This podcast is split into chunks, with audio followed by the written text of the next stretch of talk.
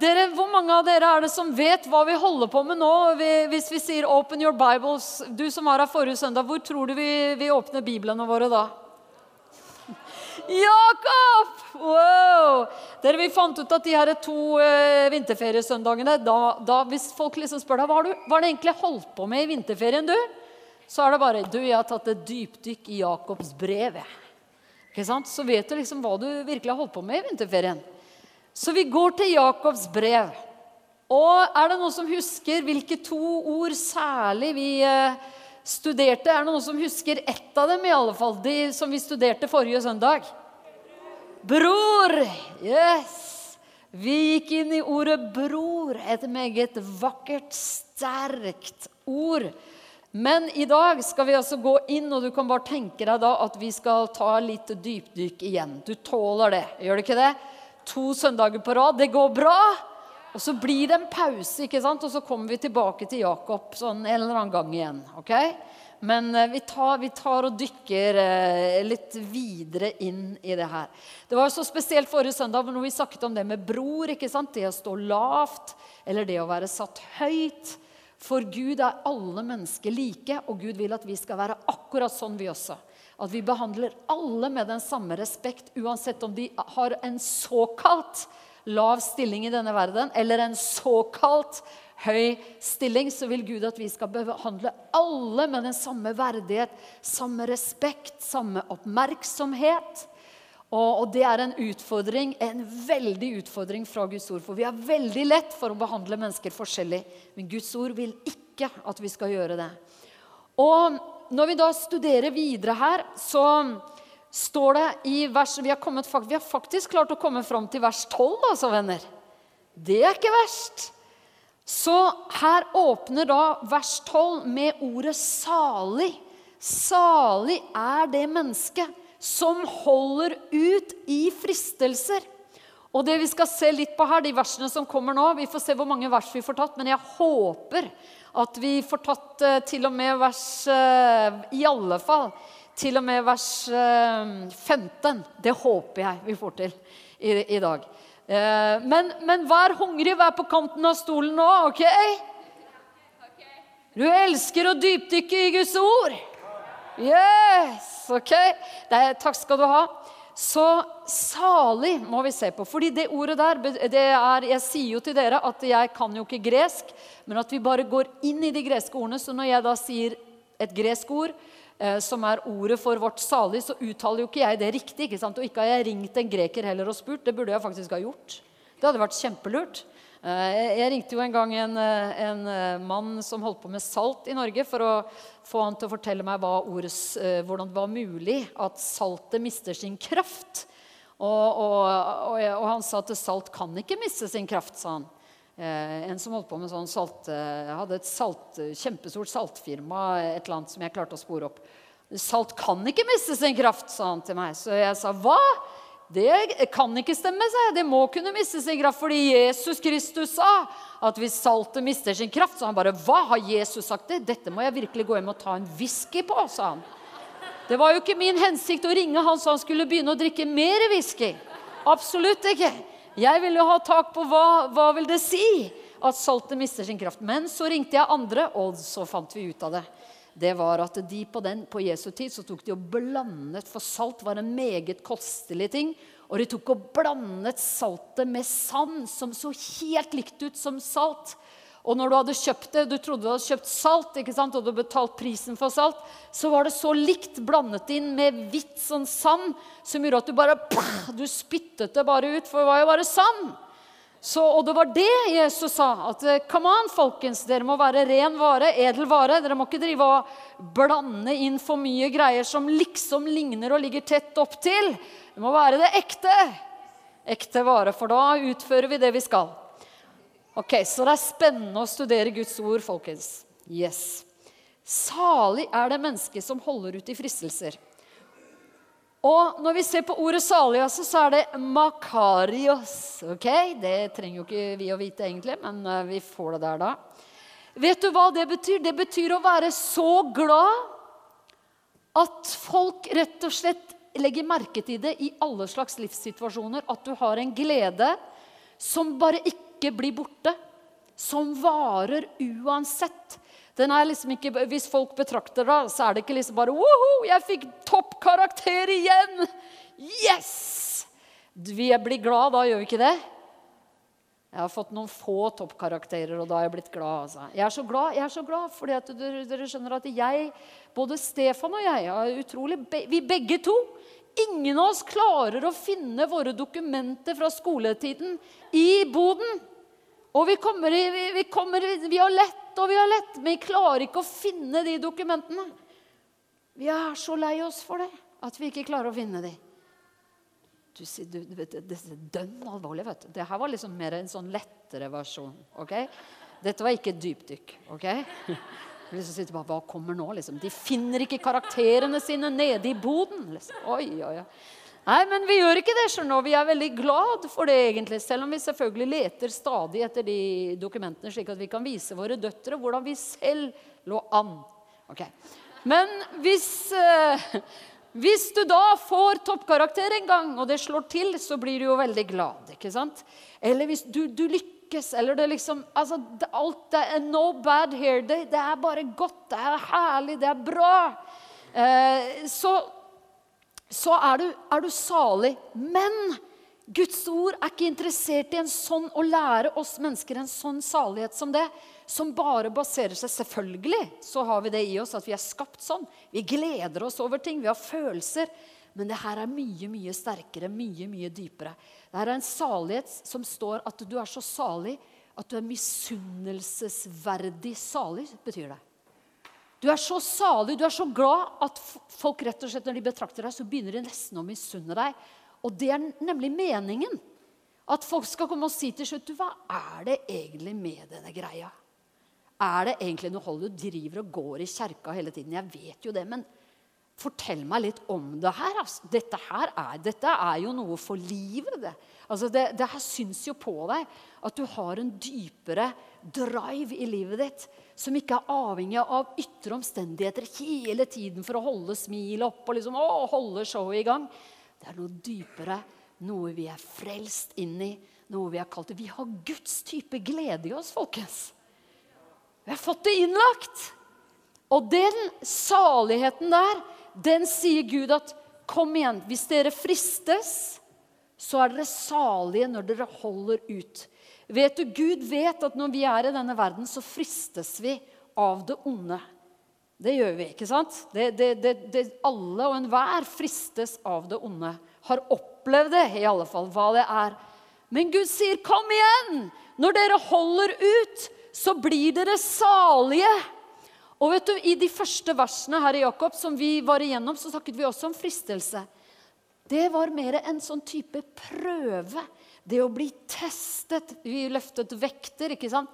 Vi viste at liksom, Og som, som sagt, det er jo herlig for meg å, å, bare tenke på de enorme vektene jeg løftet i det møtet der, og hvor synd det er på alle dere som ikke var der og så at vi holdt på med vektløfting her. Eh, men, men, ok, det er synd det er ikke på tape, det er ikke på filmrull engang. vet du. You gotta be there på de møtene her. Du, så, så altså, Motstand gjør oss sterke. ikke sant? Så i begynnelsen av kapittelet her, helt på begynnelsen, så står det at eh, når dere møter, Se det som en glede når dere møter prøvelser. Så ordet fristelse Vi skal gå dypere inn i det ordet og studere det, selvfølgelig. Men det har to sider. Både prøve kan det være, men det kan også være fristelse til synd. Begge deler, når vi holder det ut, gjør oss salige. Ok? Det, så, det, det, det, bringer en egen glede, en egen salighet. Salig er det mennesket som holder ut. Vet du hva? Holder ut. Ja, vi gir oss ikke. Vet du, Det er irriterende noen ganger du kan bli prøvet i altså bli fristet av synd igjen og igjen og igjen og igjen. Og igjen. Og du tenker Når blir det ferdig, det her? Hold ut, hold ut, hold ut, hold ut! Fordi at det, du, du, skjønner, du blir salig av å holde ut. Du får en, sånn, du, du får en glede over å holde ut. Og du, og du får oppleve Guds hjelp. Hør nå her. Vi kommer til så, Det er så viktig, de her, de, de her ordene som kommer nå. De er så viktige. For Hør på det her. Når han har stått sin prøve, skal han få hva da? Livets seierskrans! Vet du hva før? Vet du hva jeg tror til og med, Hvis jeg ikke har innbilt meg det, hvis jeg ikke har drømt det, så tror jeg til og med at jeg har sett is, altså skøytegutta gå med krans. Det tror jeg faktisk jeg har sett. At de fikk en krans rundt seg som de gikk med. En seiersrunde når de vant. Er det noen som, som har sett det? Ikke sant? Ja, da, Jeg må også ha sett det da. Jeg, jeg, tenkte har jeg drømt det? Men jeg har sett det. Fordi dere vet, det var jo noen fantastiske skøyteløpere vi hadde i, i, sin tid. Og det har vi jo fortsatt i vår tid. Men de går ikke med krans lenger. Det ser ikke jeg i hvert fall. Men de hadde krans. De fikk tredd over seg, og så gikk de en seiersrunde med den kransen. Hva gjorde de da? Slet de da? Var det, å, de var, de var helt utslitt da. Nei, da gikk de bare seiersrunden. De bare vinket til folket sånn. Gikk på skøytene der. Med seierskransen, ikke sant?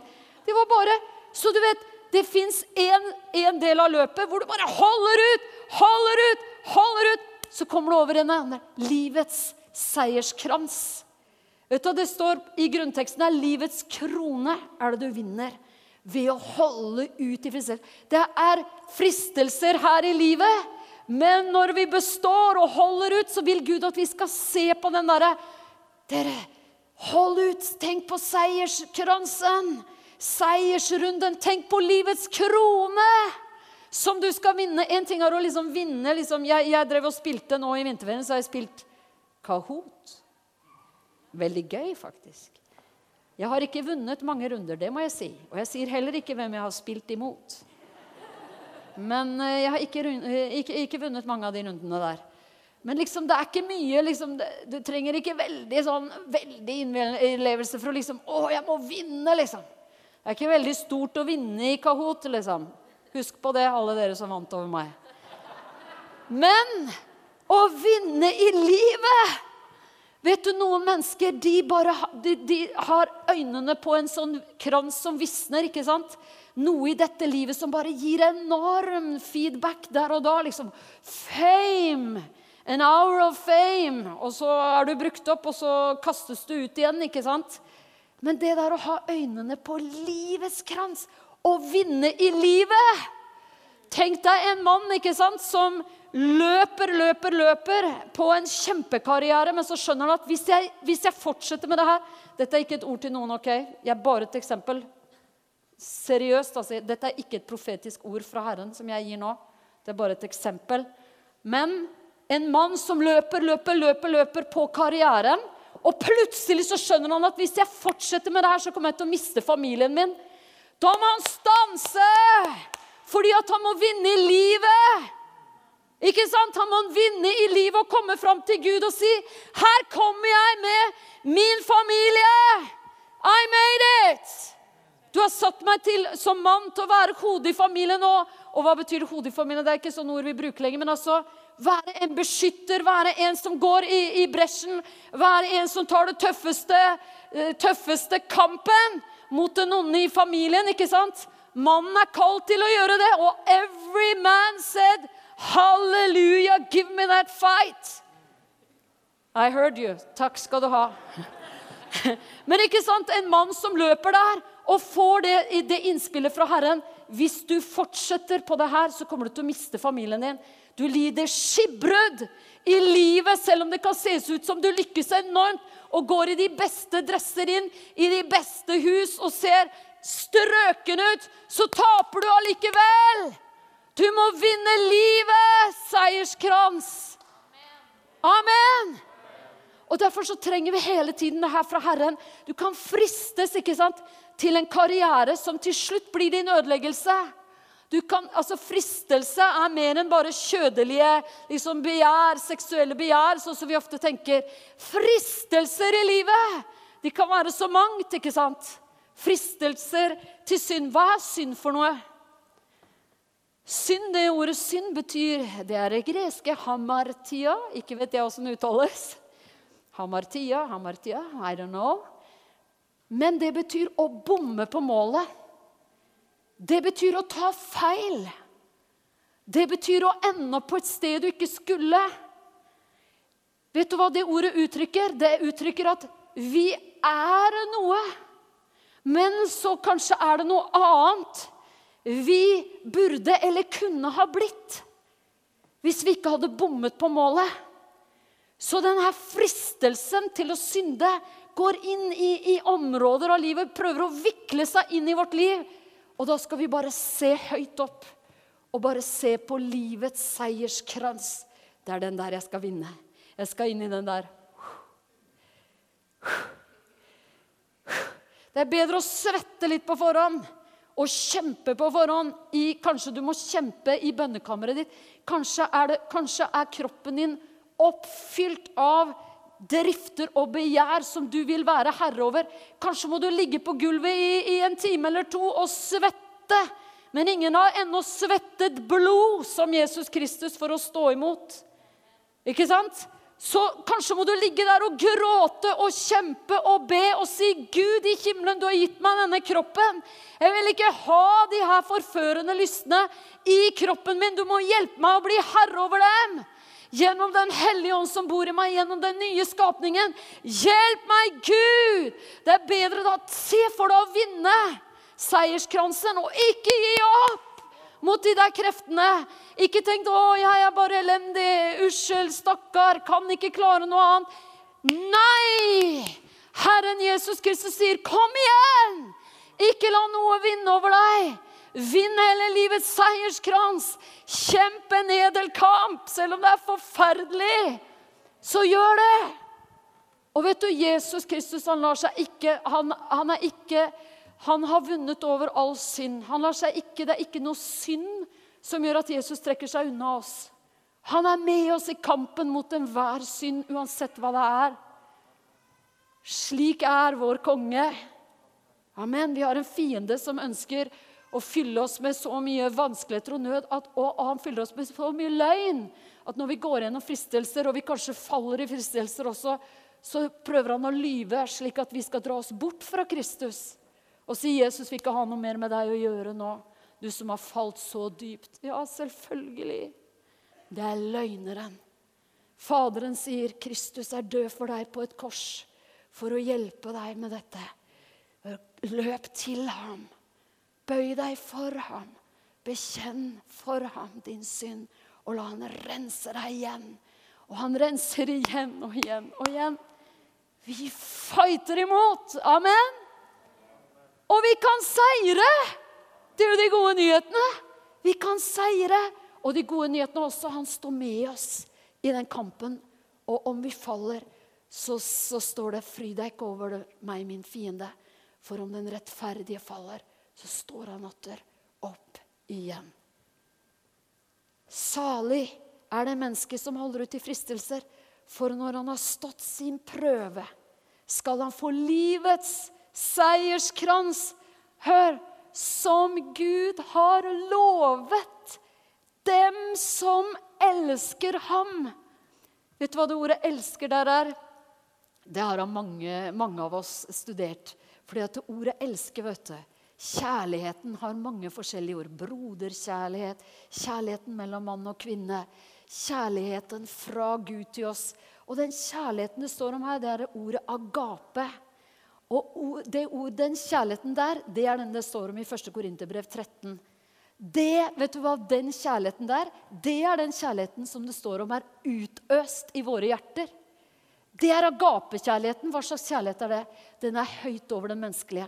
Den menneskelige kjærligheten er OK, du behandler meg godt. Jeg behandler deg godt. Du behandler meg dårlig. Jeg behandler deg dårlig. Det er den menneskelige kjærligheten. Du elsker meg, jeg elsker deg. Du slutter å elske meg, jeg slutter å elske deg. OK? Du slår meg, jeg slår deg. Du trekker deg unna, jeg trekker meg unna. Men den guddommelige kjærligheten er ikke sånn. Og takk og lov, gjennom at vi har blitt født på ny, vi har fått bli frelst og ta imot Jesus Kristus, så har vi også fått hans liv. Vi har fått hans kjærlighet. Og det står her at Gud har lovet denne seierskransen til dem som elsker ham. Er ikke det vakkert? Vet dere hva? Det her Agapekjærligheten det er ikke liksom eh, masse store følelser, bare. altså. Det er vilje og handlingskraft. Action speaks louder than words. ikke sant? En mann som sitter hjemme i stua vet du, og sier til kona som løper rundt og ordner alt hele tiden, og som sier 'Å, jeg elsker deg, jeg elsker deg', jeg elsker deg. Til kommer det et punkt, vet du, kona sier 'Please show it'. Ja, men du vet jo hvor jeg viser deg det, min kjære. Ja, men vær så snill. Det fins andre måter. Tusen takk. Vil gjerne, Kan du bidra litt her og der? Vil være veldig fint. Alt folket sa. Amen. Det fins tider da man vil ha action. Man vil se. Hvis du, hvis du, virkelig elsker meg, så vær så snill å bidra litt her.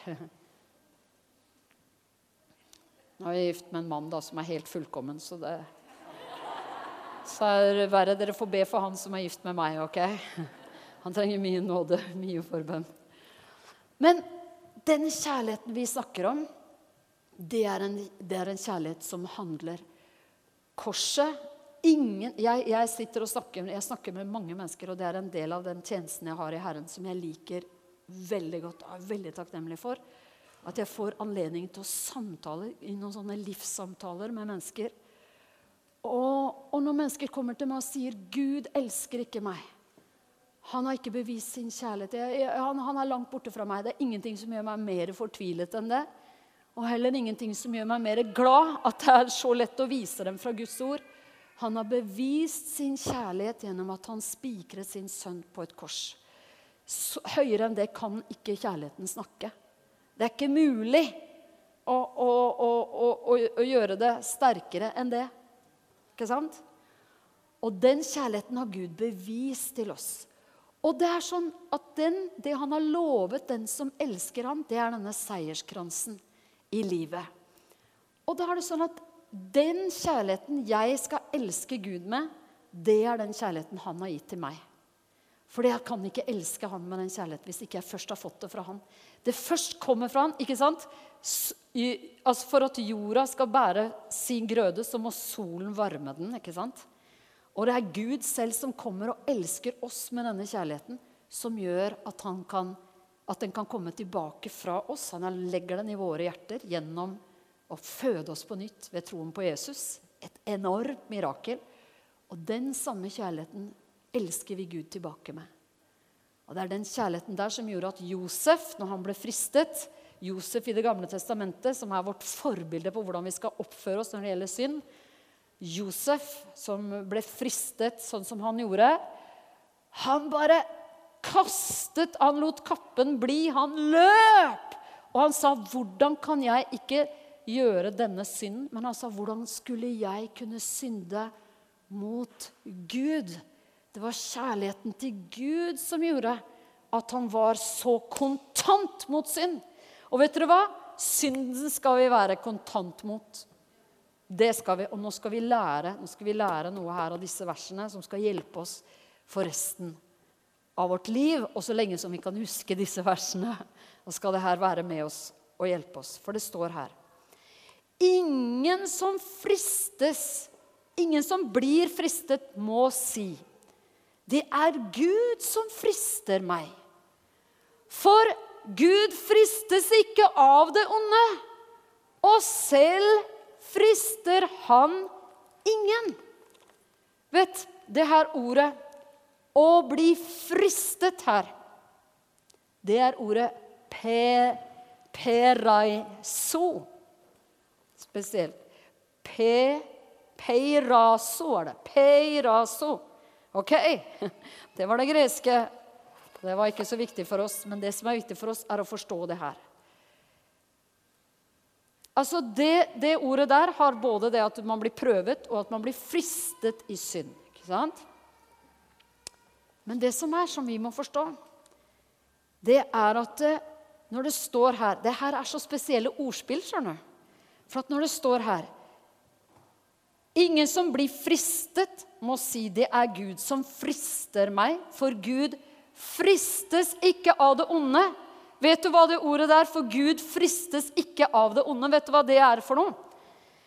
Det er at det står at Gud er ufristbar. Ok? Gud er ufristbar. Det ordet er brukt én gang i hele NT, og det er her. Det ordet der, ufristbar, visste du at det fantes et sånt ord? Nei. Ufristbar er Gud. Og så kommer da denne, dette ordet til oss. Gud fristes ikke av det onde. Altså, Gud er ufristbar overfor det onde. Vet du, dit vil han ha deg og meg òg. Han vil prøve å hjelpe oss å bli ufristbare. Hvordan blir man det? Altså, om det er mulig for oss å ikke ha noen, altså ingenting som Altså, Jesus Kristus, han kjempet en kamp som et menneske imot synden. Han kom i vår skikkelse. Han kom i kjøtt og blod og han utholdt fristelse. Han ble testet i alle ting. Han utholdt det som et menneske. Han var fullt ut Gud, fullt ut menneske. Så Jesus har bevist at Adam kunne ha stått imot. Ikke sant? Adam og Eva. Han har bevist at Guds skaperverk, mennesket, kunne ha stått imot det. Men mennesket falt, ikke sant? Og så er det, så, så er det sånn at Ingen som blir fristet, må si at det er Gud som frister meg. Hvor mange har sagt det? Jeg har blitt fristet skikkelig av Gud. Hvis vi har sagt det, må vi aldri si det igjen. For Gud frister ingen, står det. Og det må vi ha klart for oss. Skal vi si det? Gud frister ingen! Så skal vi finne ut hva er det vi fristes av, da. For hvis Gud er ufristbar, og selv frister han ingen, selvfølgelig Gud, Tror du Gud er noe imponert av det onde? Tror du Gud har noen dragning til det onde? At han liksom Å, jeg kjente det lokker og drar her imot det onde. Det eksisterer ikke i Gud. Og Jesus Kristus sa også den onde har ingen del i meg, sa han. Og dit, dit vil Gud Gud vil hjelpe oss inn i den tankegangen der. At vi heller ikke er liksom Å, oh, wow! Det, det frister så enormt å synde. Kanskje hvis vi begynner å tenke litt igjennom Efeserbrevet, hva skal vi gjøre når vi kommer opp i sånne fristelser? Det vi skal gjøre, det er jo å holde ut, sier Bibelen. Vi skal holde ut istedenfor å bare liksom gi oss over til det. jeg makter ikke å stå imot det her', og alle, alle, ingen har jo snøring på det her, så jeg kan like gjerne gi opp før jeg har begynt. Nei! Guds ord sier 'hold ut'. Tenk på livets seierskrone. Kom igjen! Stå det imot! Fast i troen. Bøy deg inn under Gud. Stå den onde imot. Ikke sant? Men så kan vi begynne å tenke Efeserbrevet 5, hvis vi går dit. Efeserbrevet 5 og vers 1 sier Ha Gud som forbilde, dere som er hans elskede barn. Vet du hva det står på engelsken der? Så står det Be imitators of God. Hva hvis vi begynner å imitere Gud og tenke Hvis du står oppe i en fristelse Ok, hva gagner det meg, det her? Ingenting. Hva får jeg igjen for det? Ingenting. Kanskje kortvarig nytelse. Veldig kortvarig nytelse. Hva får jeg igjen når den nytelsen er ferdig? Bare elende. Er det egentlig så enorm fristelse, det her? Det er sånn vi må begynne å tenke istedenfor den Å, jeg blir fristet. Hjelp, hva skal jeg gjøre? Begynn å tenke litt mer sindig. Jeg snakker til deg og meg. Jeg tar det like mye til meg. Vi trenger det her i livet. Begynn å tenke, roe litt ned. Tenke litt sindig. Hm, hva er det egentlig i det her som er så veldig? Vurdere det. Tenke på det. Tenk på det her. Hvis Gud ikke fristes av det onde, og vi er født på ny, og Gud bor i oss, har vi ikke enorme muligheter til å stå imot synden? Til å stå imot fristelse? Du vet, Den onde lyver hele tiden. vet du. Det er ikke mulig, skjønner du. Det er ikke mulig å leve rent. Det er en løgn.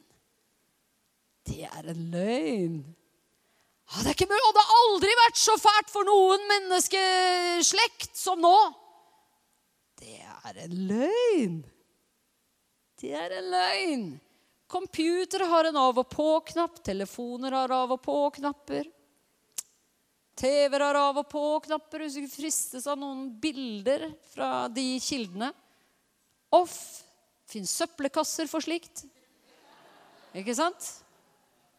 Det fins mange muligheter til å leve salig og fri.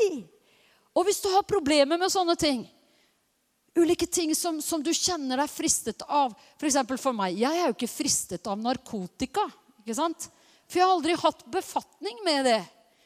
Men hvis jeg hadde vært en narkoman som hadde blitt fri fra stoff, så var det ikke første stedet jeg gikk, var å dra ned på strøket i, Oslo. Ikke sant? Ja, det, jeg er blitt så fri nå, så nå skal jeg bare ned der det første jeg gjør for å teste min frihet. Ikke sant? Kanskje må holde meg litt borte fra det til jeg kjenner at, at jeg faktisk forstår at jeg har blitt fri. Det er ikke noe mer inni meg som kobler med det gamle stoffet, for jeg er en ny skapning. Så dermed kan jeg gå dit og prate med alle jeg kjenner fra før av. fordi at, eh, Come on, folkens! Look at me! Jesus har gjort et mirakel i livet mitt. Ikke sant? Og på samme måte med en som Hvis du er fristet av ting på, på nettet, eller ikke vet jeg hva, hva, som du har åpnet deg opp for der, som kanskje øynene dine har åpnet seg for, kroppens sanser har åpnet seg for ta, ta, Jesus sa vi kan tale til trær, vi kan tale til fjell. Tal til øynene dine når du skal lukke deg fra all denne urenheten her. Vil ikke ha med det å gjøre mer. Og det er klart, Da setter du deg ikke aleine i et rom sammen med computeren din og drar på fjelltur med, med full dekning. Ikke sant? Da drar du OK, jeg tar pause fra deg for en tid. Jeg vil ikke ha noe med deg å gjøre, fordi den kampen er så viktig for meg. Å vinne livets krone vil jeg heller. Jeg tar heller noen uker med litt svette og litt at folk sa 'Å, har blitt så crazy', du, da. Fanatisk, liksom. Eh, du, du, må jo inn i et sunt liv hvor du kan omgås uh, hva som helst. Ja, vi kommer dit, men det er ikke alltid du er der med en gang. Ikke sant? Så tar vi våre forhåndsregler, fordi vi kjemper, og så begynner vi å lære. Ja men, ja, men jeg har jo ikke det greiene i meg lenger. De jo, det er jo borte. Jeg er jo blitt en ny skapning. Den hellige ånd faktisk bor jo i meg. Det er jo til å gråte bøtter av vet du, hvis du er en som er litt dramatisk anlagt og har lett å ta til tårene. Det blir bøtter av sånt. Altså, det, det er bare helt voldsomt hvor god Gud er. Han har jo flyttet inn for å hjelpe oss. Med alle disse her driftene, lystene, begjærene osv. Han bor jo der inne. Midt i hele kampen. Oh, glory, glory. Hallelujah, since I laid my burden down. Amen.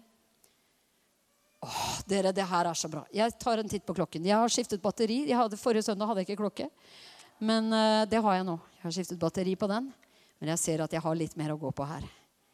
Hør her nå. Skal jeg lese noen enorme vers for deg? Hør på det her. Hør. Gud er ufristbar. Jeg bare nevner det. Gud er ufristbar. Han bor i oss. Hør her. Store løsningen det er 'be imitators of God'. Efeserne 5.1. Og hør nå. Galaterne 5.24. De som hører Kristus til, har korsfestet kjødet med dets lyster og begjæringer. Lyster og begjæringer, det lyder veldig kjent der fra Galaterbrevet. Vi leser vers 14 i Jakob, OK? OK, Jakob. Ingen som blir fristet, må si det er Gud som frister meg, for Gud fristes ikke av det onde. Han er ufristbar, og selv frister han ingen. Alle blir fristet av hva da? Djevelen. Det er djevelen. Det er djevelen! Står det det her? Alle blir fristet av djevelen. Det er noen som blir fristet av djevelen. Jesus ble fristet av djevelen. Og det er mennesker som blir fristet av djevelen. Ja, vi kan absolutt bli fristet av djevelen, men det er ikke der det begynner. Hør hva Bibelen sier her. Alle som fristes, blir fristet, alle blir fristet av sitt eget begjær. Ok, jeg må ta litt ansvar her, da. Jeg kan ikke bare si 'Å, djevelen er etter meg'. Ikke sant? Jeg må si 'OK, det er mitt eget begjær'. Ja vel, ja vel. Ærlighetsvekkelsen lenge leve. Skal vi alle si det? Ærlighetsvekkelsen lenge leve. Vi elsker ærlighetsvekkelsen. Alle blir fristet av sitt eget begjær. Som gjør hva da? Lokker og drar.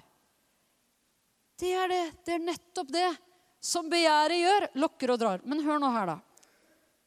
Løsningen. De som hører Kristus til, har korsfestet kjødet med dets lyster og begjæringer. Kjødet, hva er det for noe, da? Det er det gamle mennesket. Bibelen kaller det gamle mennesket for kjødet. Den jeg var før Kristus ble herre i mitt liv, det var det gamle mennesket. Den delen av meg som ikke er født på ny, det er på en måte det gamle mennesket. Der fins det fortsatt lyster og begjæringer som strider imot Guds vilje. Men det fins et oppdrag for oss. Korsfeste. Korsfeste. Få det på korset sammen med Jesus Kristus. Korsfestet med Kristus er jo vi, ikke sant? Og så skal vi også korsfeste ting i vårt eget liv. Få det bort. Det skal ikke ha makt over oss lenger. Romerne 8, hør nå. Den troende vandrer ikke lenger etter kjødet, men etter ånden. Romerne 8,1. Så er det da ingen fordømmelse for den som er i Kristus Jesus. For åndens lov som gir liv, har i Kristus Jesus gjort meg fri fra syndens og dødens lov. Hallo! Ikke bare har Gud flyttet inn han som er ufristbar, men jeg har også blitt satt fri fra syndens og dødens lov. Den var jeg under før. Men nå har Jesus ordnet opp med syndens og dødens lov, så han har satt meg fri det går an å seire! Fordi den ufristbare bor i oss. Det går an å seire fordi han har vunnet over syndens. Han har befridd oss fra syndens og dødens lov. Det som var umulig for loven Loven, Er det noen som kjenner loven fra Det gamle testamentet? Den var maktesløs fordi vi er av kjøtt og blod. Men det gjorde Gud. Han sendte sin egen sønn. Dette er Romerne 8. Han sendte sin egen sønn som syndoffer. Bare hør på det her, så leser jeg for deg. I samme slags kjøtt og blod som syndige mennesker. Og han har holdt dom over synden i oss. Hørte du? Han har holdt dom over synden i oss. Allikevel ble lovens slik ble lovens krav oppfylt i oss som ikke lever slik kjøttet vil, men slik ånden vil vers 6. Det kjøttet vil, er død, men det ånden vil, er liv og fred. Derfor er det som kjøttet vil, fiendskap mot Gud. For det bøyer seg ikke under Guds lov og kan heller ikke gjøre det. Og vers 12 sier, og jeg bare leser det som parentes, derfor skylder vi ikke kjøttet noe, sånn at vi skulle leve etter kjøttet. For det er bare i opprør mot Gud uansett. Vi står ikke, vi har ikke noe, vi står ikke i gjeld til kjøttet i det hele tatt. Vi bør ikke tenke på det i det hele tatt. Stakkars gamle kjøtt, ja. Vi får vel ta litt hensyn til deg også, vi. Nei, vi bør ikke tenke sånn i det hele tatt. Det er bare i opprør mot Gud. Vi vil bare ha det korsfestet i vårt liv. De, der, de tingene i oss som, som går imot Guds vilje. Vers 9. Men det, det er ikke kjøttet som har makten over dere. Det er ånden. Så sant Guds ånd bor i dere. Hvis du er frelst og født på ny, hvor bor Guds ånd da? skal du ta en eh, reiser din hånd til Gud og si 'Guds ånd bor i meg'. Guds ånd bor i meg. Guds ånd har flyttet inn. Guds ånd bor i oss. Og derfor gjør vi ikke det kjøttet. Derfor, kjøtt, derfor er det ikke kjøttet som har makten over oss, men ånden.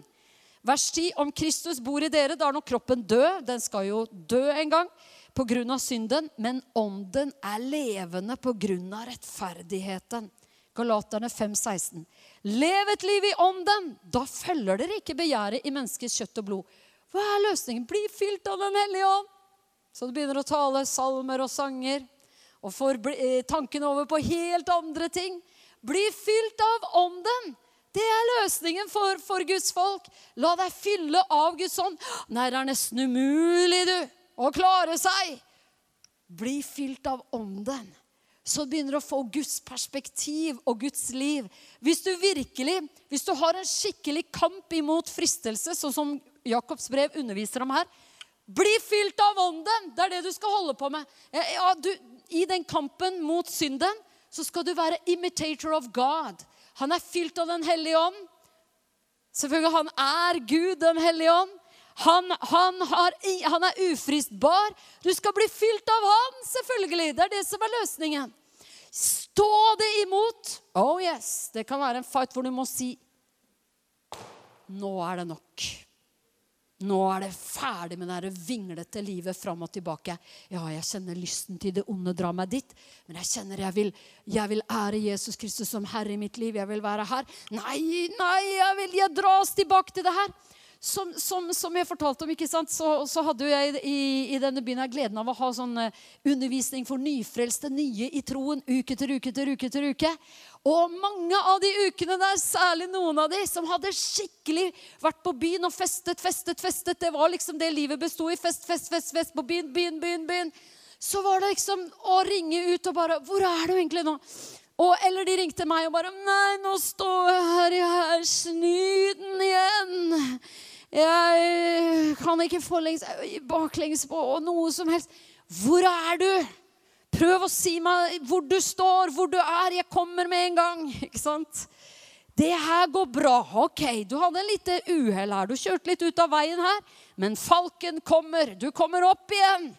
Ikke sant? Det er nye muligheter, nye dager, nye muligheter. Gud bor fortsatt i deg. Gud flytter ikke ut og inn. Amen. Like lite som mine døtre. De er mine døtre så lenge det er liv i dem. Ikke sant? Altså, Vi er Guds barn, folkens. Vi har Den hellige ånd. Vi er født på ny. Gud er ufristbar. Og Bibelen legger ikke skjul på at kampen kan være intens, men Den hellige ånd er med oss. Vi lar oss fylle av Den hellige ånd. Vi blir fylt av ånden. Og det er den beste hjelpen vi får i den kampen her.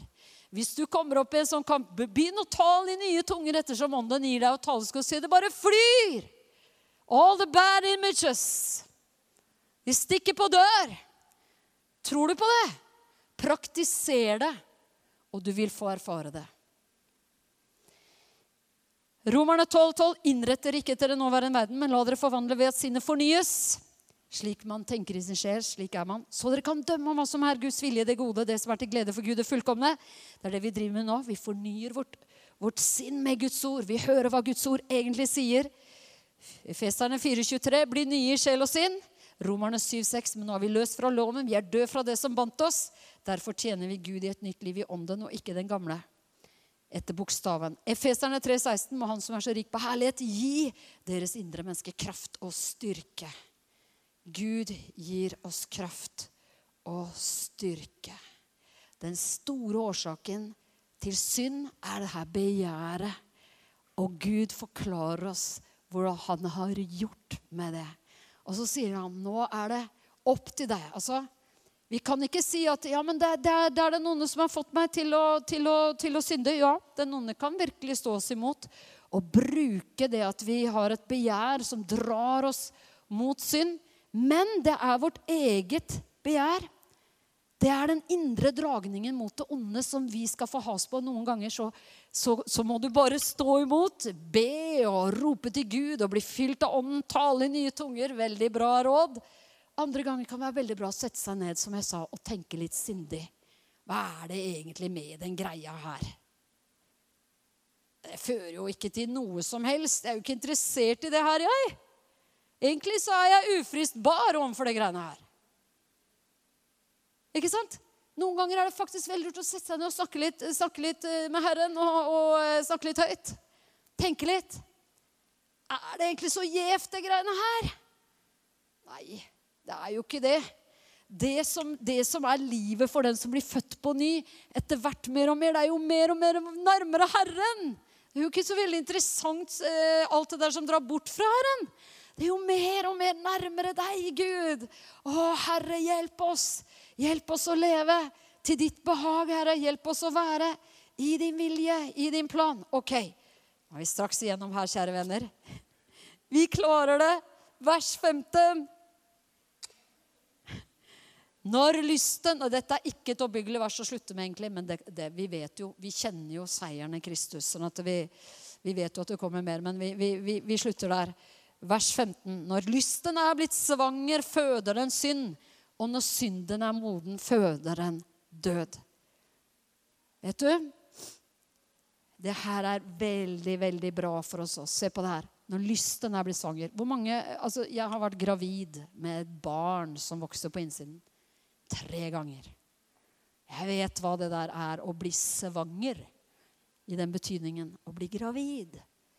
Det tar tid fra unnfangelse til fødsel til et fullbårent foster. Det tar tid. Guds ord bruker dette bildet for å si Come on, folkens. Det her tar tid. Det begynner i tanken Surrer rundt i tanken. Wow. Det går i tanken. Det er da vi må være som Josef. Ikke ta det inn i tanken. Ikke ta det inn i tankelivet. Si nei, jeg vil ikke ha de her tankene som reiser seg opp mot Kristus. Jeg tar de til fange, som Guds ord sier. Jeg vil ikke ha de her råtne eggene inn i tanken. Jeg vil ikke ha de her stinkbombene inn der Jeg vil ikke ha det elendet inn i min tanke. Jeg vil være fri fra det her. Uansett hva det er. Om det er at vi, hva vi kverner på. Men vi vet at det er imot Herren. Dette er ikke det Herren vil. Det kan være utilgivelse, f.eks. Wow, det prøver å skapes en bitterhet i det indre som til slutt kommer til å føde at man blir, man blir bundet av bitterhet. ikke sant? Noen mennesker som har vært levende. Woohoo, yes! Og så etter noen år du møter dem, de er bundet av bitterhet. For de har latt synden, det der å holde noe imot noen, de har latt det rulle, rulle, rulle, rulle, rulle år etter år etter år. etter år. Og så sier du, ja, hva, hva var det egentlig som løste ut denne konflikten? Jeg har ikke peiling. Jeg husker ikke hva det var. Men noe forferdelig var det. Ikke sant? Altså, det, det spoler, spoler. Guds ord sier, la ikke noe gå fra en dag til en annen. Gjør opp hver dag for seg. Hvis vi lever etter det, kan noe bli så stort da at det feller oss på en dag? Nei! Vet du, det her er en oppmuntring. Vi tar det som en oppmuntring. At når lysten blir svanger Altså, det tar tid. Så føder en synd. Guds ord viser oss det tar tid, det her. Guds ånd jobber imot og sier, 'Kom igjen, stå det der imot. Få det der vekk.' Ikke, og så kommer det kanskje noen til deg og sier, 'Du, jeg bare kjente jeg måtte si sånn og sånn til deg.' Eller du kommer i et møte hvor det undervises Guds ord, og du kjenner Guds ord bare tar deg inn og korrigerer deg inn, sånn at du bare 'I alle dager, det der skal ikke jeg ha på innsiden.' Du får det ut, og du må få det ut, fordi det kan bli svangert. Det kan føde. Hvis lysten blir svanger nok, så føder den synd. Og hvis synden blir moden, hvis den virkelig får kraft i ditt liv, så fører den død, føder den død i ytterste konsekvens. Det er det Jesus har betalt for oss alle sammen med sin egen død. Skal vi reise oss opp? Den døden der som synden føder, det er jo den Jesus har gått i døden for oss. Hva, hva skjedde med Jesus Kristus? Han ble gjort til synd for oss. Og den synd der tok han inn i døden og inn i dødsriket. Han gikk inn i døden, han gikk ned i dødsriket. Og han var der i tre dager og tre netter i døden, i dødens grep. Men han vant over døden. Han har satt oss fri fra døden. Han har gitt oss evig liv. Vi skal ikke dø. Vi skal leve evig. Kroppen her må pakkes sammen. Om den legges i en kiste, eller åssen det blir. Men den kroppen her, den, den, kommer til å henge igjen her. Men vi er, har fått nytt liv, og vi kommer til og med å oppstå igjen. Og få nye legemer. Til og med legemer kommer Gud til å gjenopprette. For en Gud vi tjener! Altså, er det rart at vi er glad? Og så er det alvorlige budskap også, ikke sant?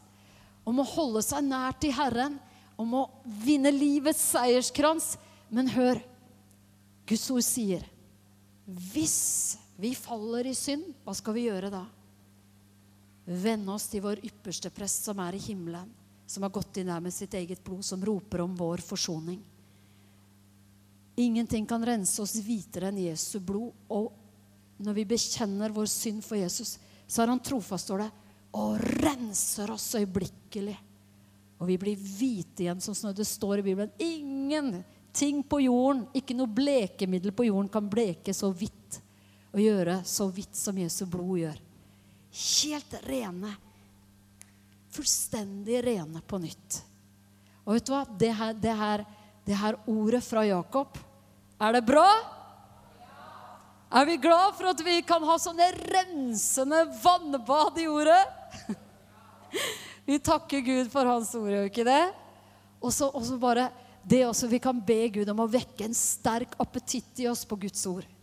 For at det å gå inn i Guds ord og få Om du så bare får ett ord med deg som du går med gjennom en dag Bare tar det når du går ut av døra om morgenen. Ta meg et ord i dag. Du tar det ordet med deg, og du vandrer med det ordet. Du grunner på det ordet. Det hjelper sånn! Altså vannbade i ordet. Går, mange av oss dusjer hver eneste dag. Veldig mange gjør det. Vi har den muligheten i, i landet vårt at vi kan stå under rennende, rent vann. vet du og bli, og bli badet. Og et vannbad i ordet, det renser vårt indre. Så mange ting som hefter seg inn i vår sjel i løpet av en dag. Og det der også å kjenne ordet renser oss. Amen. Herre, vi takker deg for ditt ord som renser oss. Og vi takker deg, Herre, for at ditt ord, det seirer. Og det har kraft i seg til å skille for oss hva som er sjelelig, og hva som er åndelig. Herre, det kløver disse, disse tingene. Hva er egentlig sjelelig, hva er åndelig? Og det dømmer også vårt hjertes tanker og råd. Og Herre, vi ber at midt i den tiden vi lever i, hvor det kommer så mange løgner om eh, den, det å leve seirende, hvor det skjenkes oss så mange løgner, Herre, om at det er nesten umulig i vår tid, det er bare løgner. Og vi takker deg for du har gitt ditt liv for å fri oss fra syndens og dødens lov. Og du har gjort det sånn her at skulle vi synde, så ligger det en bekreftelse der fra ditt ord. Vi bekjenner vår synd. Du renser oss, du er trofast, og vi har samfunn med deg, og vi lever og vandrer sammen med deg. Skulle vi falle, så reises vi opp igjen. Og vi takker deg, Herre, fordi at vi får lov å møte med deg i det fullbrakte verket fra Golgata. Amen.